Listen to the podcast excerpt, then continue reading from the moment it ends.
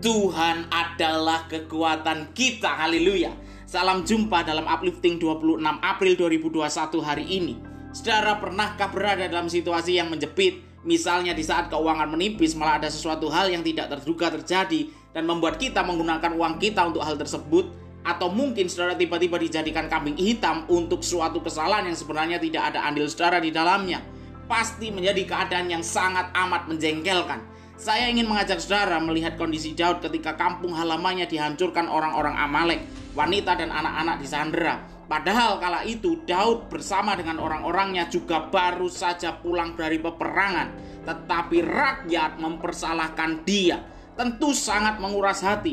Tetapi mari kita lihat 1 Samuel 30 ayat yang ke-6 dan Daud sangat terjepit karena rakyat mengatakan hendak melemparinya dengan batu.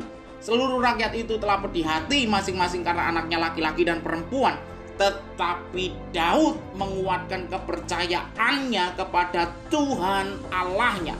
Dari sini kita dapat belajar bahwa bukan soal salah atau benar, tetapi yang paling penting adalah respon. Karena respon yang tepat akan menghasilkan solusi. Bisa saja Daud membela diri dan menyalahkan keadaan, tetapi respon Daud tepat menguatkan kepercayaannya kepada Tuhan.